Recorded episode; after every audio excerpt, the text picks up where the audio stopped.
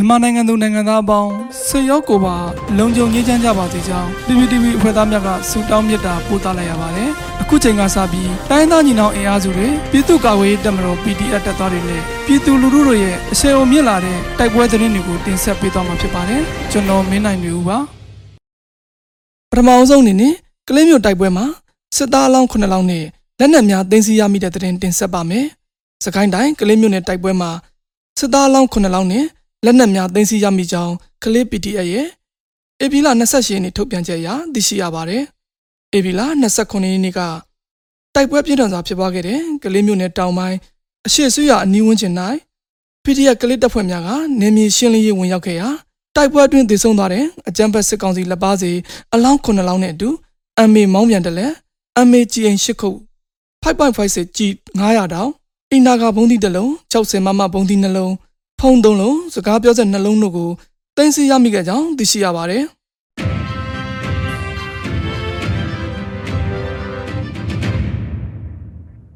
ဆက်လက်ပြီး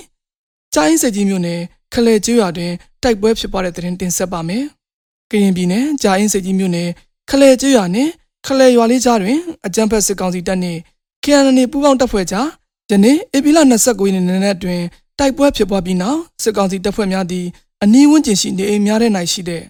ရွာသား20ဦးခန့်ကိုဖမ်းဆီးပြီးတစားကန်လှုပ်ထားကြောင်းဒေသခံများထံမှသိရှိရပါတယ်။အကြမ်းဖက်စစ်တပ်နှင့် KNN ပူးပေါင်းတပ်ဖွဲ့ကြားယနေ့နက်နက်တိုက်ပွဲဟာခလဲကျွော်ထက်တန်းကျောင်းဤတွင်ဖြစ်ပွားခဲ့ကြောင်းစစ်ကောင်စီတပ်ဖက်မှအရာရှိတအုပ်ပါဝင်၄ဦးသေဆုံးကြောင်းဒေသသတင်းရင်းမြစ်များတွင်လည်းရေးသားဖော်ပြနေကြပြီးနှစ်ဖက်သေဆုံးထိခိုက်မှုကိုကနအူးအတိမပြုနိုင်သေးပါဘူး။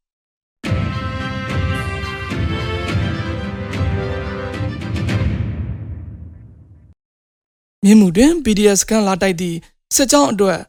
စစ်ကူလာတဲ့တပ်များအကြိမ်ကြိမ်မိုင်းဆွဲခံရပြီးစစ်သား9ဦးသေဆုံးတဲ့တဲ့တင်ဆက်မှာပါ။သကိုင်းတိုင်းမြင်းမှုမြို့နယ်ထီဆောင်ရေတော်လမ်းပိုင်းခွက်ခွင်းနှင့်ငကင်းရွာကြားတွင် PDF စကန်လာတိုက်သည့်စစ်ကြောင်းများအတွက်စစ်ကူလာတဲ့တပ်များအကြိမ်ကြိမ်မိုင်းဆွဲခံရပြီးစစ်သား9ဦးသေဆုံးကြောင်းဒေသကာကွယ်တပ်များထံမှသိရှိရပါတယ်။ PDF စကန်များကိုလာတိုက်တဲ့အကြမ်းဖက်စစ်ကောင်စီတပ်ဖွဲ့များအတွက်ထပ်မံစစ်ကူလာတဲ့စစ်ကားတစ်စီးကို ယနေ့ဧပြီလ29ရက်နနက်9:30မိနစ်ခန့်တွင်ဒေသကာကွယ်တပ်ဖွဲ့များကမိုင်းဆွဲပစ်ခတ်တိုက်ခိုက်ခဲ့ရာစစ်သား9ဦးသေဆုံးက26ဦးထိခိုက်ဒဏ်ရာရရှိကြောင်းနေမြေကန်သတင်းရင်းမြစ်များထံမှသိရှိရပါတယ်။ထို့သောစစ်သား40ခန့်ပါဝင်သောကမိုင်းဆွဲတိုက်ခိုက်ခံရပြီးနောက်ထိခိုက်ဒဏ်ရာရရှိသူများကိုမန္တလေးစေယုံသို့ပို့ဆောင်ရန်ပြုလုပ်နေစဉ်ထပ်မံမိုင်းဆွဲတိုက်ခိုက်ခဲ့ရာစစ်သားများထပ်မံသေဆုံးကြောင်း ထပ်မံသေဆုံးသည့်စီးရင်ကိုအတိမပြုနိုင်သေးကြောင်းသိရှိရပါတယ်။စစ်ကားကို0 PDF တပ်ဖွဲ့နှင့် GDR တပ်ဖွဲ့ကဘုံခွဲပစ်ခတ်တိုက်ခတ်ခဲ့ခြင်းဖြစ်ပြီးနှစ်ဖက်အပြန်အလှန်ပစ်ခတ်မှုဖြစ်ပွားစဉ်အတွင်း0ပျောက်ကြားတပ်ဖွဲ့မှဒူကောင်းဆောင်စီရီယန်တပ်သားကိုဟိမ့်တက်ကြာရှုံးသွားခဲ့ကြောင်းသိရှိရပါတယ်။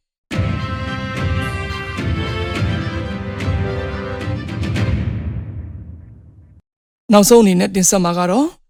စစ်သားရဲများနဲ့ပြူစောတိများတက်ဆဲထားတဲ့ရေတကြိုပခန့်ငယ်ရဲစခန်းကိုဒေသကာကွယ်ရေးအဖွဲ့များဝန်တိုက်လို့စစ်ကောင်စီဘက်မှ14ဦးသေဆုံးပြီး3ဦးဒဏ်ရာရတဲ့တဲ့ရင်မှာ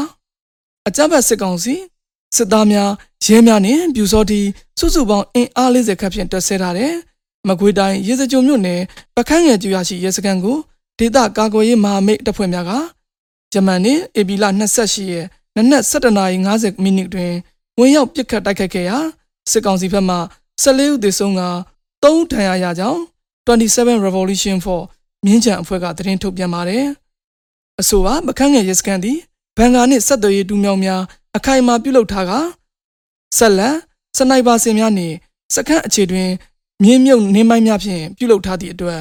တော်လန်ရေးမာမိတ်အဖွဲ့များမှ RPG နှလုံး40မမ9လုံး